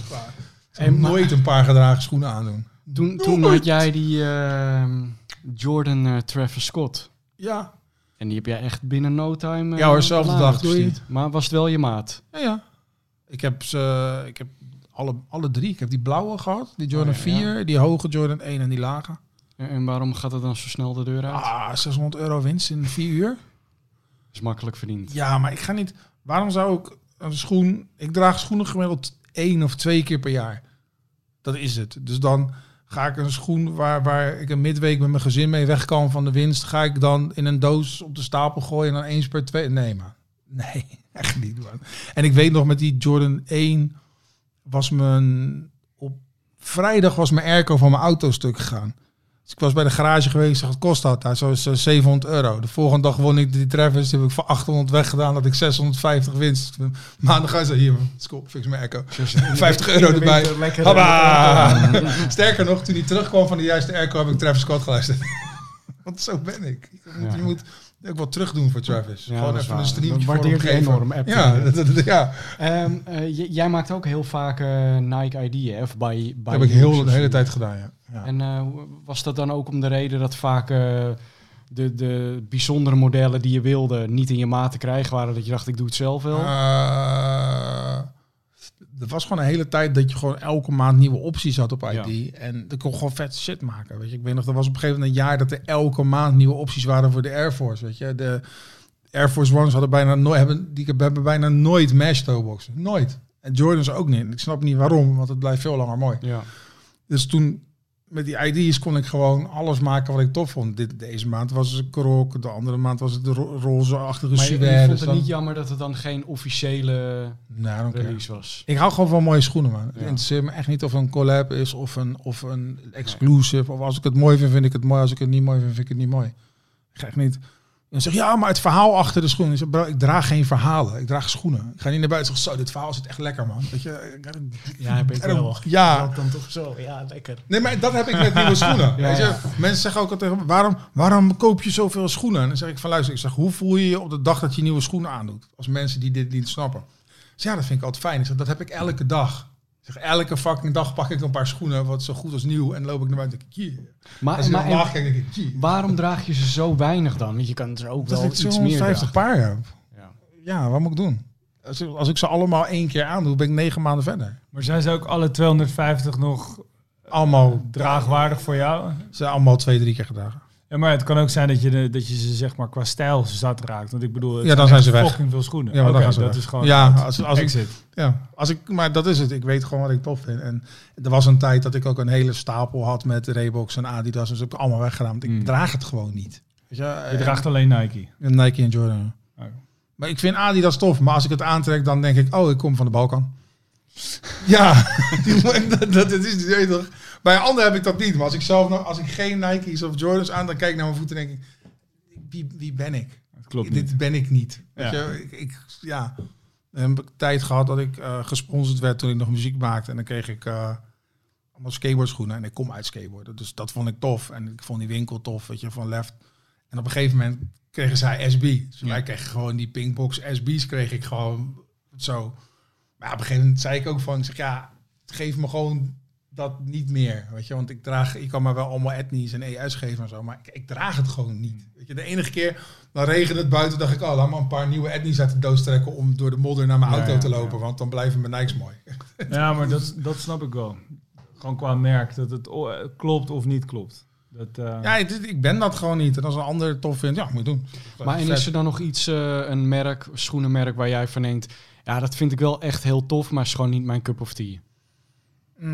Mm, ik vind het laatste jaar of twee jaar vind ik dat eh Essex weer hele toffe Jo- eh, GL3's maakt. En die Respector vond ik geloof ik heel tof. Maar mensen, dat snap ik gewoon niet meer dat mensen dat niet meer kopen. Weet je? Ja. En, en ik, vind, ik vind sowieso die torsions die nou uitkomen van Adidas vind ik ook keihard. Alleen ja, ik, ik draag het gewoon niet. Er komt, er komt genoeg uit waarvan ik denk van, ah vet. Ik kan van, eh, hoe heet dat, Mizuno? Ja. Die, die wave Ja. dingen, die infrared achter, die vind ik keihard. Maar ik wilde er niet dood op gevonden worden. Maar als ik ze zie, denk ik, hey, sikke schoenen. Ja. Maar niet voor mij man. Het voelt een Eh, beetje over alsof ik andere, ja? in een Kia stap of zo. Ja, ja. Wat andere schoenmerken betreft ben ik eigenlijk heel benieuwd wat jij van die eh, eh, Adidas Yeezy eh, basketbalschoen vindt. Ik heb het niet eens gezien. joh. Die is wat open hoor. Ja, die vind ik ook Ik wel heb het mooi. niet gezien. Ja. Was die Zou laatst uitgegeven bij die, Nee, eh, die is nog niet bij uitgekomen. die kerkgebeuren of zo van hem? Die, die heeft eigenlijk... Nee, een- nee, ik zag het the van Lord. schoen. eh, Oh, dat, dat, nee, Nee. ja. Ja. volgens mij hebben ze daar... eh, Nee, dat is andere. Hij lijkt Ja. op die van jou, maar dan een beetje sporty. Welke van mij? Die hij een tijdje geleden in de show aan had. Die van jou is meer een hiking en dan een beetje meer Nee, het sporty. is, wel- het is wel echt... Nee, dat is een hele andere Het is echt een- koek. Laat me een Ja. plaatje zien. Want ik zag laatst eentje dat ik dacht van is gewoon een verlengde van die andere. En er zat nog een, een soort bobbel extra op. Je bent mijn verhaal Het is een verschuldigd. beetje zebra-achtig. Met een hele zwarte hoekige achterkant. Deze. Oh, die heb ik gezien, ja. Nee man, ik, ik, Nee? ik, ik, ik, ik, ik, ik zie de comfort niks. er niet in. Het is een beetje alsof, je- het is een beetje alsof je Jeezy naar een begrafenis En gaat en een rouwding om oude, heeft. eh, oude Kobe schoenen, gewoon op een oude Nike gewoon. Ja, ik, dat nee. is inderdaad Ja. een associatie die ik Ja. heb, ja. ik vind het helemaal niks. Ja, ik wil ze wel even in het echt zien, maar ik vind, ja, ik vind ze Dan ga je tof, basketballen. J- jij zou nog vertellen hoe je mij voor het eerst Oh ontmoet ja, hebt, ik want dat verhaal weet ik niet. Oh ja, ja. Je zou het nu vertellen. Ja, maar ook Oh, als, als, als ik basketbalschoenen aan heb, dat ik dan Ik wil over verplicht Tim moet praten, ik wil niet over GC praten. Ja, jij hebt running eh, shoes aan, eh, ren jij? Dit is geen running shoe. Dit zijn kerkschoenen officieel nu. Hè? Alle Jeezy's zijn voor naar de kerk. Ja. Nee, maar ik bedoel die jij aan hebt. Nee, het is niet dat... het- eh, laten we even eerst eh, met Valerio even het verhaal afmaken dan. Hij doet maar een oude... Denk aan een oude Kobe eh, schoen. Of een Hyper Tante Dunk of zo. Ja. Weet je, maar voel het echt niet, man. En ik weet dus nu niet... Ik, ik was er laatst, stond ik erbij stil. Ik weet dus niet of ik het nou niet voel door die man... Mm. Ik weet het niet. Het- ik voel het gewoon niet. En, eh, Een soort zebra printje. Het is gewoon hetzelfde trucje. En ik zeg niet dat Nike zo slim is. Weet je, maar Nike heeft wel meer, ja, betere ideeën of zo. Laten we het daarop houden of zo. Ik vind het gewoon niet mooi. Maar ik zag wel een andere die, die leek op een verhoogde die jij aan had. Ik dacht dat dat die baas was. dat is wat beter. Een beetje die zwarte, denk Juist, ik. Ja, ja, die, ik weet wel. was voor mij met die Ja, die is wat smaller. Ja. Ehm, dan even afgezien van dit uh, Yeezy-verhaal. Mhm. Wat is een, een release die eraan zit te komen waarvan je zegt, nou, dat vind ik wel tof? Eh, hij zei net die torsions. Ik heb echt geen idee welke dat zijn. ZX. ZX 8000. Ja, is gruwelijk. Dat is al gewoon al vroeger eh, heb ik die ook gehad. En dat was, dat was eigenlijk echt vloek in, eh, in die pode. Is dat waar ze laatst eh, aqua's, met een, ja. eh, hadden ze een boot Ja. gemaakt? Ja, Ja. ja. Ja. Ja, ja. Ja, dat was eigenlijk vroeger echt vloeken. En ik vond dan de women's versie mooi. Ja, de wit met paars. Weet je, ik vond die gruwelijk. En die heb ik ook. Ik heb hem nog steeds origineel. Hij brok valt helemaal uit elkaar. Maar dat was, eh, ja, dat was toen. Ja, ja, ja, dat was echt gewoon. Ik weet nog, dan zag je dat gele ding erin. En zat je te kijken van. R of dat gele ding. En dan ging je dat gewoon dragen. En ik had een, eh, een Aqua Australian. Die heb ik ook nog gepakt. En dan droeg ik hem. Dat was eh matchy. Dat was echt dope. Lekker. Ja, ik zal hem wel een keer meenemen in Ja, de show. goed. Ja. Tim, zit er nog een release aan te komen waar, waar jij van denkt, ja, die wil ik wel. Eh, Daar ga ik voor jou doen, moeite voor doen. nou ja, ik heb eentje wat nu volgens mij nog moet uitkomen. Is die, die Air Max 1 Urachi Oh ja, DNA. waar, dan die, waar die dan die, die verschrikkelijk verminkte Urachi weer bij zit. Ja. Maar dus ik vind die het super... Hurachi die heeft de kleuren van die Air Max Ja, 1. maar daar hebben ze een Air Max 1 mudguard overheen gestikt. En Oh, dat ja. klopt echt voor geen meter, maar prima. Maar ik vond het mooi. Ik heb, want ik heb die Air Max 1 uiteindelijk eh anderhalve maand geleden gekocht via Goat. En toen, die was, ja, die moest met import alles 200 euro kosten. Maar ik ging ervan uit dat die hier niet zou komen. En wat ik altijd vet vind, is dat heel veel mensen die echt diehard Air Max 1 fan zijn, die vinden Jurachi super lelijk. Dat over het algemeen zo, ja, Jurachi's, dan krijg je altijd eh, in forums krijg je dan diezelfde foto van een krok met een Converse. Want de Ja, dat, ja. dat is Een origineel. krok met een Converse. Ja, want daar Ah, lijken intens. hun op. Ja. Maar dat is altijd dezelfde foto die dan honderd keer wordt geplaatst. En dan denken ze nog steeds dat ze origineel zijn. Maar die schoen komt dus niet hier. Mensen, ah, als die schoen komt, dan ga ik hem kopen als die komt. En nu komt hij met een Jurachi in een pack. Dan denk ik, ja. Lekker dus als je die nu wil, Ja, ja. moet je er een Jurachi bij eerst door de hel, ja. Het zieke is, Jurachis vallen altijd klein. Dus je krijgt een Jurachi met Oh, een ja. MX-1. Die Jurachi past waarschijnlijk Ja, ja, ja. niet eens. Nee, ja, klopt. Want dit is helemaal niet je maat dan. Ja. Die, die Air Max 1 die heeft een eh, dubbele rij met eh, gaatjes hè, voor je Ja. veters. Dat Ja, is maar hij het enige wat ik niet zo mooi vind. De hele toebox, het hele materiaal, de achterkant zit rubber. Het is, hij is echt, echt vet. Dus Oh, ja. die, als die uitkwam, had ik hem nog een keer gekocht. Hey, we, we hadden het net trouwens over die eh, ID's wat jij toen vaak deed. Doe je dat ook nu nog steeds of niet meer zo? De ID-hozzel. Nou ja, ja. Oh, dat nee, je ik- zelf die eh, schoen maakt. Nee, dat doe ik nou niet meer. Ik vind de materialen niet meer mooi. Maar plus, ik had altijd zoveel ID's, omdat je kon in Hilversum kon je eh, met korting ID's maken. Dus wat ik deed is mensen die gaven mij hun order op. En dan zei ik van, nou oké, op de site is het 180, bij mij is het 150 en ik betaalde 137,5. En er zat dan 12,5 tussen. Maar dan kon jij, als jij in Arnhem woont, ga je niet voor 12,50 extra Nee, korting in Hilversum rijden. Dus wat ik deed, ik reed elke week, als ik van Enschede naar Rotterdam ging, kwam ik langs Hilversum.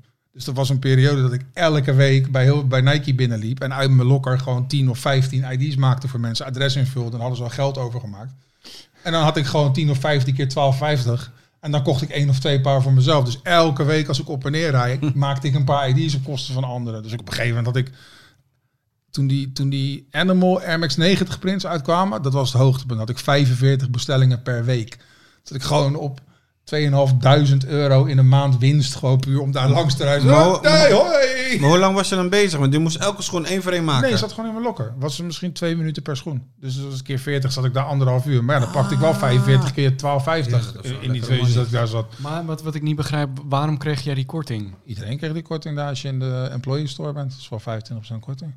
Maar ik wist niet dat je daar... Dan mocht je gewoon als bezoeker naar binnen. Daar, ik, ben, ik ben er één keer met een bekende van mij geweest. Ik ben er ooit een keer uitgenodigd door Nike om daar te shoppen. Maar daarna ben ik een keertje met een bekende van mij daar geweest. En vanaf dat moment, eigenlijk als je iemand daar kent, kan je uitgenodigd worden. Oh, ja. Maar ik ging altijd gewoon naar binnen. En, je met een taart. Nee, maar ja, daar- zeg maar, als je Nike hoofdkantoor inloopt, vind ik het vast leuk als ik het vertel. Heb je zo'n balie daarvoor en links de employee store. Dus ik deed dan altijd gewoon bellen naar binnen. En zei, hey, hoe is het? En dan liep ik gewoon naar beneden. En mensen van, oké, checkt. Hij heeft hij- echt gelijk. Echt niemand checkt. Dat echt niemand. Ik ben maar, ook zo naar maar, maar, als je moet afrekenen, moet je wel iemand kennen. Anders Ja, krijg je die ja. korting niet. Maar op een gegeven moment lulde ik die boodschap. Ik zei, ah. Ja, of dan ja. zei iemand van, heb je een pasje? Ze, nou, heb ik net ingeleverd. Weet toch, eh, zei ze, oh, ja, is cool, heb je korting. En uiteindelijk heb je ook wel echt die eh, Nike Bespoke gedaan. Ja, Hoe vaak heb je dat gedaan? één keer. Oh, één keer. En Ja. waar? Eh, in Londen. En hoe Ja. was dat? Ja. Nou, leg eerst uit, wat is het verschil tussen ID en Bespoke? Bij Bespoke kan je gewoon een schoen pakken en dan kan je elk vlakje zeggen van nou ik wil dit, dit puntje wil ik blauw en dit puntje wil ik groen en dit wil ik krokodil en dit wil ik. Dus je kan die hele schoen opstellen. Alleen eh, ik ben daar met een bepaald concept heen gegaan. En het is gewoon mooi, want je komt daar binnen en dan zeggen ze nou eh, wat vet, je hebt de Air Force One gekozen. En wist jij dat het een ontwerp was van Bruce Kilgore? Weet je, ik ga zo meteen 1300 euro betalen voor een Air Force One. Denk je niet dat ik weet wie die fucking schoen heeft ontworpen? Ja, dan, ik respecteer dat je zeg maar een soort van experience wil maken. Maar kan je even ja. de laadjes Schiet open op. doen, dan gaan we Ja. even gewoon een schoentje maken. Nee, Toch gewoon. Dus ik vond het zeg maar tof dat ze dat die, die experience boden. Maar voor mij was gewoon, oké, ik wil eh, een schoen met zwart, bordeaux, rood en alle tinten roze. Dus kan je dat gewoon allemaal op tafel gooien. En, want je krijgt an- anderhalf, twee uur of zo, krijg je zoiets. Ik was in een half uur klaar. Ik go, go, go, go, go. Dit, dat, dat, dat, dat. Dus houden jullie maar even je mond. Ik ja, dacht, "Ah." en, en, eh, en is het eh, uiteindelijk het resultaat geworden wat je wilde? Ja, ik was, ik was super blij met de schoen. Alleen ze hadden geen Bordeaux, dus daar baalde ik heel sick van. Ik wou echt van patent zwart naar Bordeaux zijpanel en dan naar felroze aan de achterkant, dat je die overloop hebt. En ze hadden geen Bordeaux, dus eindstand heb ik met wat donkerdere kleuren roze. Want het is, je gaat erheen en je denkt, oh, ik heb een concept. En kom je binnen en dan zie je de materialen en denk je, ah, bitch, die hebben helemaal niet wat ik wou. Ja, maar luister, kijk, en, en dit heb ik dus exact zo gehad in New York. En Ja. dit was echt voor mij een soort trauma. Ja. Omdat ik het herbele... Ik, die Je hebt jouw schoen nog nooit op Instagram gezet. Nee, Zo'n trauma jongen, is dit echt. voor jou. Ik, ik wilde hem niet eens meer. Ik dacht, ah, dat, sch- dat scheiding wordt over zes weken opgestuurd. Heb je gemaakt eentje? Ja. Bro, hij rijdt... En, en ik denk ook tijd, ja, en ik denk tijd, ik had gewoon halverwege naar buiten moeten lopen en zeg ik ga even een sigaretje roken en hem wel maar dat durfde ik Maar je niet. kon toch gewoon zeggen, ja, dit is niet wat ik had Nee, verwacht. ja, dat dus mocht je hij echt is- zeggen. hij Dat hebben meerdere mensen gedaan. eh, Ik sprak hem op die tijd. Hij zegt Ja. van ja, ik ga daarheen. En ik weet nog dat toen twee weken later stuurde ik jou een berichtje. Hoe was het? Je zo. Ja, ik, ik wil het eigenlijk niet over. Nee, man. Echt, echt, echt een trauma, weet je. Ik had ook helemaal concept. Ik dacht, yeah man, I'm the next Tinker Hatfield. Ja. Nou, forget it. Maar eh, Ik had ook zien. echt... ma- nee, ja, ik- Maar ze zijn best wel oké, want uiteindelijk heb ik ze ja, maar dat gezien. komt en- echt omdat ik hem in 10 minuten helemaal moest downgraden. Want hoe het ging... Kijk, allereerst, ik wilde bijvoorbeeld een, eh, een eh, swoosh van badstof. Nou, dat kon niet. Nee. Dus zei ik, ik wil andere kleuren leestips. Ja, maar nee, dat kan niet.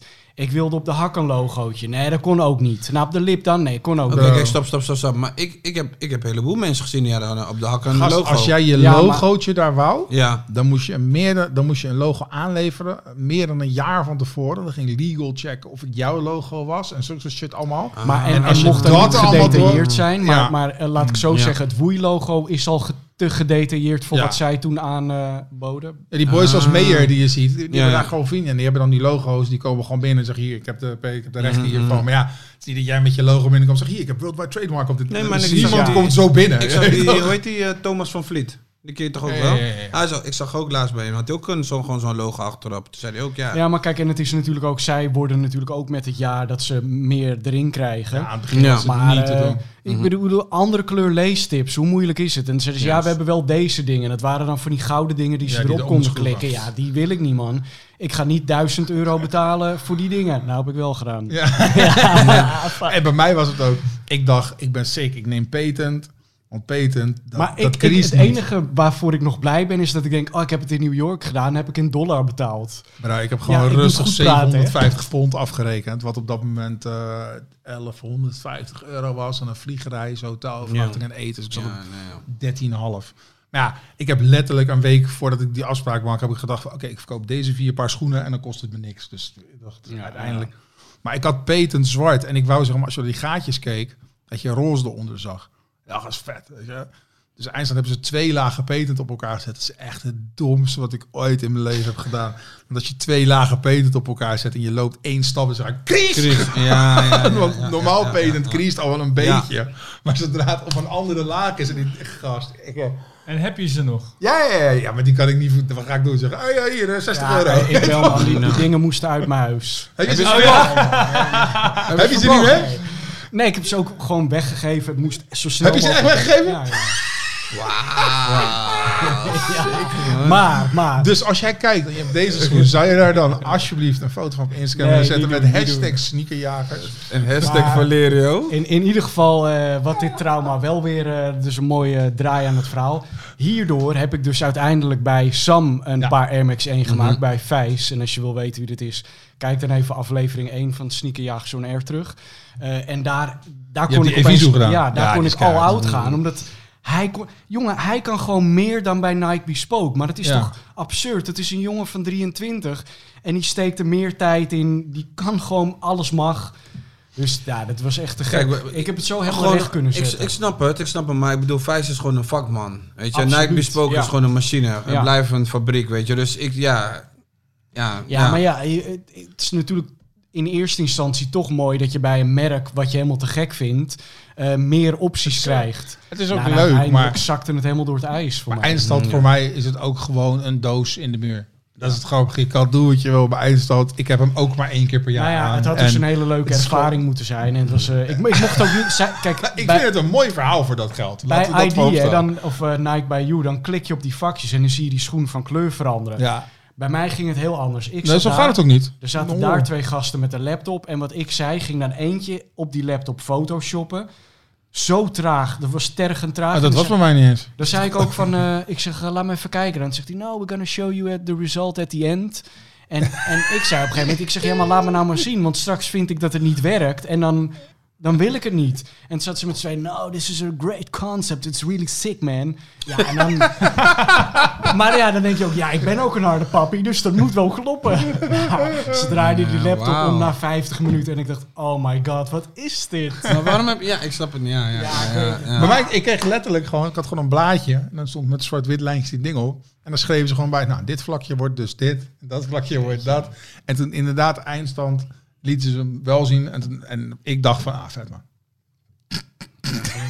ja, mijn school was gewoon hard. Ja, ik ben zo blij. Ja, ik, ik, ik wilde het.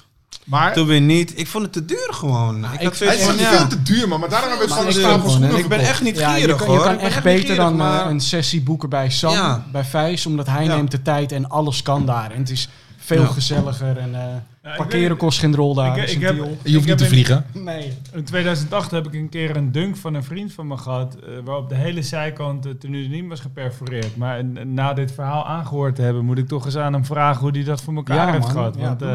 Nee, maar dat kan misschien een sample of iets in die Mhm. richting zijn. Maar op het moment dat zij dat weggeven, is dat wat anders als wanneer wij dat afrekenen. Als Ja. ik het afreken bij de kassa, dan verkoopt Nike iets. Dus stel dat ik daar een logo Oh, op zet ja. wat niet van mij is, dan kunnen zij daar gezeik mee krijgen, omdat Ja. er geld aan verdiend is. Dus is het Ja. toch allemaal... legal shit. Ja, Ja. het is echt legal. Wat eh Vijs bespoken betreft, de schoenen die ik aan heb, want heb ik nog Oh niet ja, verteld. Ja, Ja, jouw ja, schoenen hoor. kom ik zo.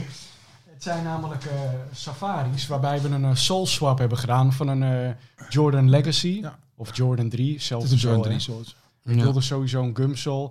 En ik vind het wel heel erg leuk. Ja, hierdoor is het een beetje een eh, wat meer een skateschoen geworden, omdat hij wat lager erop staat. En eh, ja, ik vond, ik vond dit een heel leuk geslaagd experiment. In mijn hoofd had ze- werkte dat echt niet. En toen zag ik hem, dacht ik, ah, het is gewoon kaart. Ik heb ze wel één keer eh, met witte veters geprobeerd, maar dat was... Ik wou net zeggen, ik heb ze met witte feest. Ik, ik, Nee. ik vind hem oké.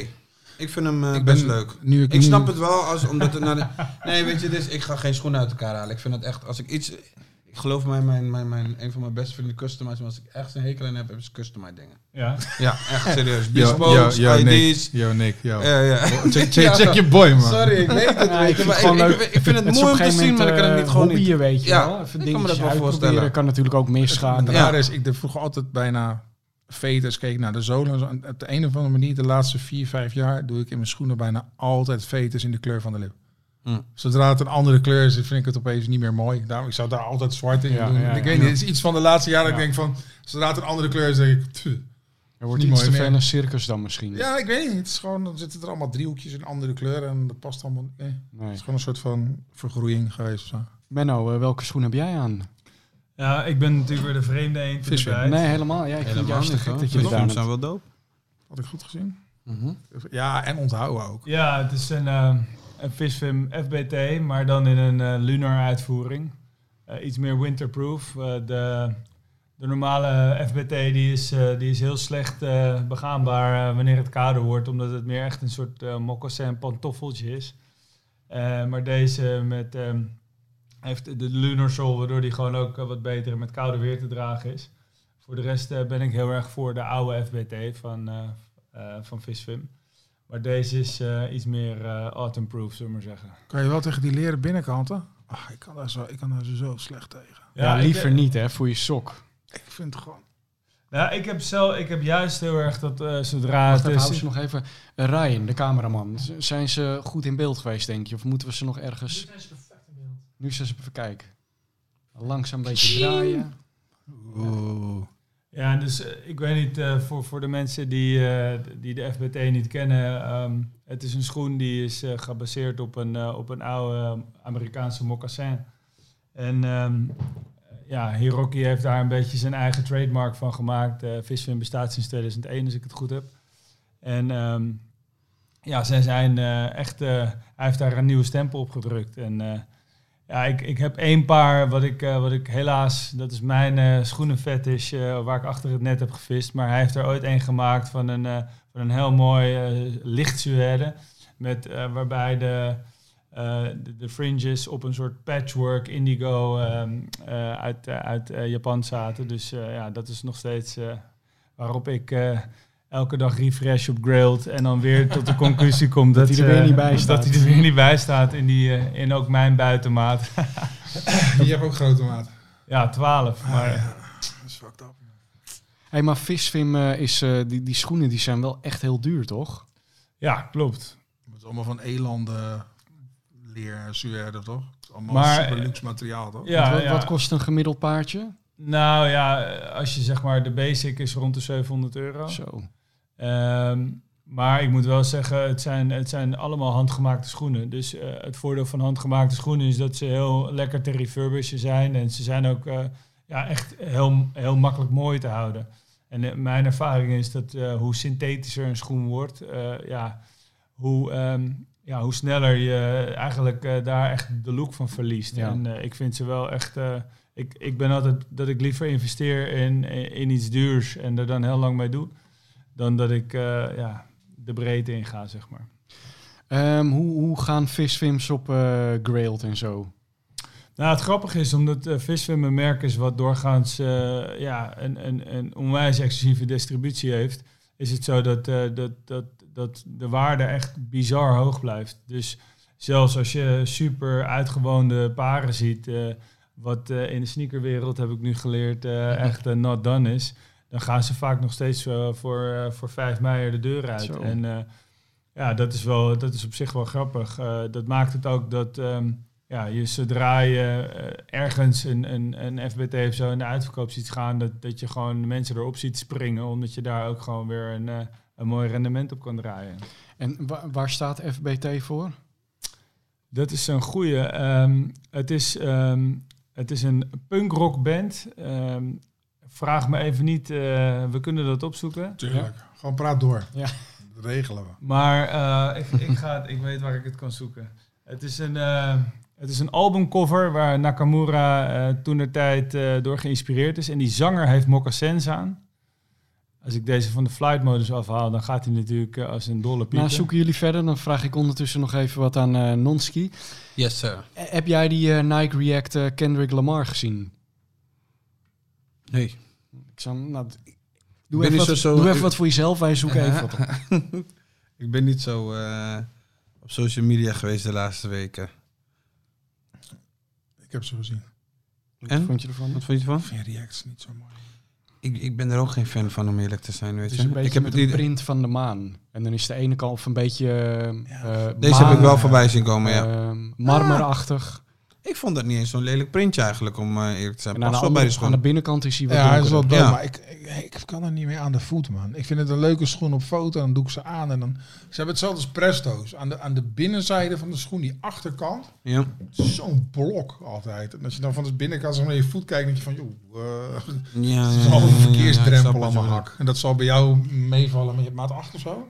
ja, Ja, hè? ja 7,5, 8. Ja, ja, dat, dat scheelt eh 6 centimeter. Bij mij is het net of ik eh, drie oliebollen aan mijn voeten hangen. Ik heb ze gevonden. Ik kan het niet vinden. Eh, Het dus, sluit eh, dit heerlijk op elkaar aan. Het is een eh, shout-out naar mijn, eh, mijn makker Willem Bos. Eh, Nakamura took the CD cover of a British new wave band from the 1980s, Funboy 3, Oh, as ja. inspiration for his sneaker. Willem Bos. Jij kent Willem Bos. Wie is Zeker. Willem Bos? Wie is dat? Willem Bos is de man die altijd op Twitter om 12 uur zei, maar wat op 12 uur de eerste maandag van de maand, maar wat nou als de terroristen precies nu een aanslag plegen? En toen van Twitter af is gegaan en ik dat nu zeg maar Altijd voor denk. hem heb. Nee, ja, Oh. denk of ik tweet sindsdien, ik mis Willem Bos als het alarm Oh, afgaat. ja. Verder ken ik hem niet, maar Ik ga, ik ga eens even uitvinden of dat dezelfde Willem Bos is. met SCH, schrijver Nee, en nee, zo. nee, nee, Ah, nee, nee. andere Willem Bos. Nee. Zou dat Willem Bos? Bos in het bos. Ah, Oké. Shout-out. Eh, nou hebben we een hoop besproken, maar toch eigenlijk het belangrijkste niet voor jou. Want ik wil nog steeds weten, wat is er zo bijzonder aan de tenue de Nîmes jeans? Nou ja, dat is... ehm, Toen, toen jij die eh, broek ging maken, wat, wat waren de elementen die die moest hebben? Ehm, nou ja, ik kan daar natuurlijk eh, nog 3,5 uur over volkletsen. Dat Ja. zal ik je besparen. Maar waar het eigenlijk op neerkomt, is dat eh, door, de, door de jaren heen, in het kielzog van alle non-kwaliteit die we dankzij eh, mode in een soort van disposable thing eh, tot ons zijn gaan nemen, is, is ook een spijkerbroek een soort van disposable bullshit, eh, ja, inferieur goed geworden. En dat staat zo ver af van, eh, van het DNA van een jeans. Omdat het uiteindelijk is, ooit is begonnen met gasten die eh, in de gold rush gewoon stevige broeken nodig hadden. Eh, om A, hun goud in, in, een klein zakje te doen. En B, als ze eh, ergens in, eh, met, op hun knie in de dirt zaten. Ja, ook gewoon eh, een betere performance eh, konden bewerkstelligen. Dus, ehm, maar toen alle merken om ons heen eigenlijk, met gelukkig heel veel uitzonderingen daar gelaten, maar ook heel veel merken echt steeds meer bagger gingen maken, dachten wij van wij moeten gewoon een broek maken die nu een keertje geen reproductie is van de jaren 50. Want laten we wel zijn, er zijn al genoeg merken die dat eh, gedaan hebben en of een broek uit de jaren 80 hebben gereproduceerd. Maar wat nou als we alleen gaan leren over kwaliteit, over fabric, over, over stijl. Hè, en al die goede dingen uit het verleden hier naartoe halen. En dan een silhouet maken voor mannen of voor vrouwen, wat, wat nu relevant is. Zodat ook bijvoorbeeld Tim eh, straks ehm, een broek kan aantrekken waarvan hij denkt van hey fuck, dit, dit zit ergens juist heel erg aangenaam. Eh, volgens mij wordt het tijd om Fifty Shades of Grey te vervangen door Fifty Shades of Blue. Zie het mij. Maar ben je dan niet eh, met al die elementen een, een broek aan het maken eh, die specialiteiten heeft die mensen vandaag de dag toch niet meer gebruiken? Nou, dat Ze staan toch niet meer in de mijn. Nou, weet je wat het leuke is van een spijkerbroek? En dat is ook, het is een soort van kat met negen levens. Het is nu weer zo dat mensen eigenlijk hun pakken een beetje vaarwel hebben gezegd. En steeds eh, liberaler voor de dag komen. Zoals, eh, zoals in de, op de Zuidas of op Manhattan is het zo dat casual Friday eigenlijk een soort casual everyday is. Dus funny enough is denim weer een beetje terug in workwear. Omdat mensen dus eh, de spijkerbroek eigenlijk als een soort pantalonvervanger gaan gebruiken. En de, dat het dus eigenlijk weer terug is bij af. Alleen, eh, geheel to your point, we moeten nu wel zorgen dat het een broek is waar die techboy gewoon lekker mee achter zijn laptop zit. En eh, die trader eh, hier zo bij de beurs gewoon comfortabel is Ja. in zijn nieuwe werk. Dus die vertaalslag moeten we 100% maken. Maar ik denk wel dat we daarin geslaagd zijn. Toevallig vorige week heel een stuk over gelezen dat een, een driedelig pak is voor mensen die het niet kunnen veroorloven om geen pak te dragen. Dus dat is gewoon. Gruwelijk. Ja, Ja, dat een, pa- ja. ja, een pak is alleen nog maar voor mensen die dat moeten omdat ze in een hotel werken of in de horeca. En als je geld genoeg hebt, is dat helemaal niet meer nodig. Het grappige is, ik, ik werk voor de provincie Overijssel met commissaris van de koning en zulke soort mensen. En ik kom gewoon in deze kleding.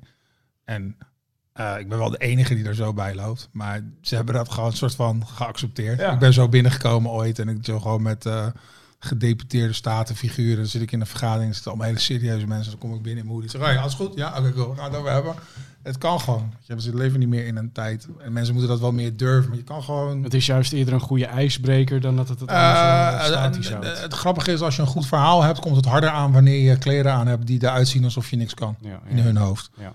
dus dat, dat, dat scheelt. En Steve Jobs heeft, eh, had ook geen pak aan. En Mark Zuckerberg hij ook niet. En al die, al die mensen hebben helemaal geen Donald pak. Trump ook niet. Ja, oké. Of is, of is dat een pak? Ja, ik Dat is weet wel niet. een pak. Oh, Ja. Dat is, dat is een... Dat is een, dat is een eh, hij ziet er wel cheap uit. vermomming is dat.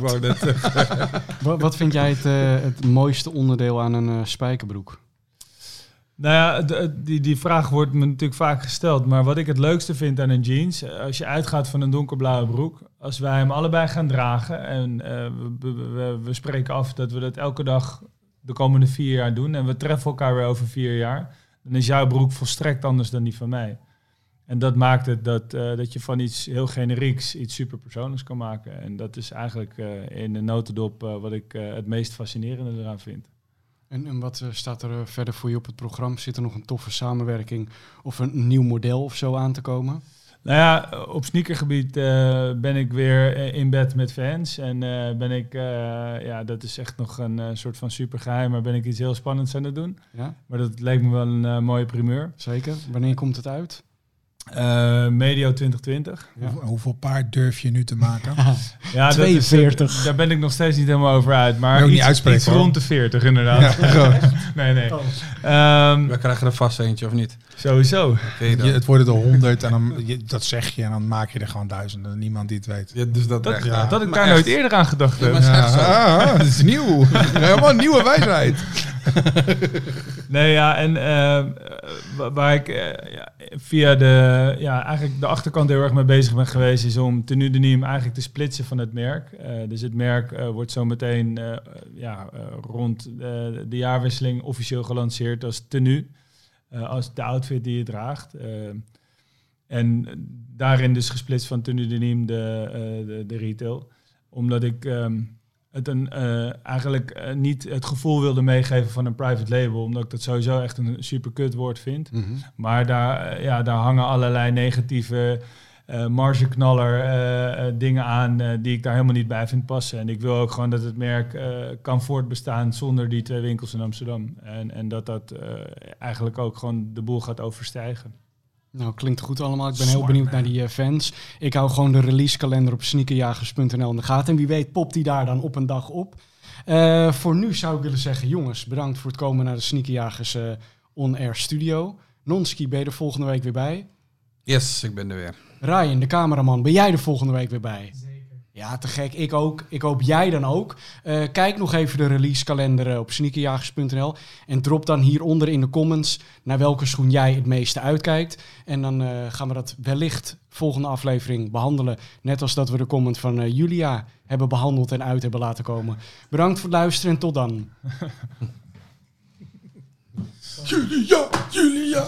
Ik zit te kijken en denk, je Julia? Nee, natuurlijk niet. Nee, maar ik zag het ook staan. Dus ik dacht, ja, we ik had gewoon je schoen aangekregen. Ik vond het wel... Ik zat En je moet je ver gaan je veten. Geen leren binnenkant. Dus echt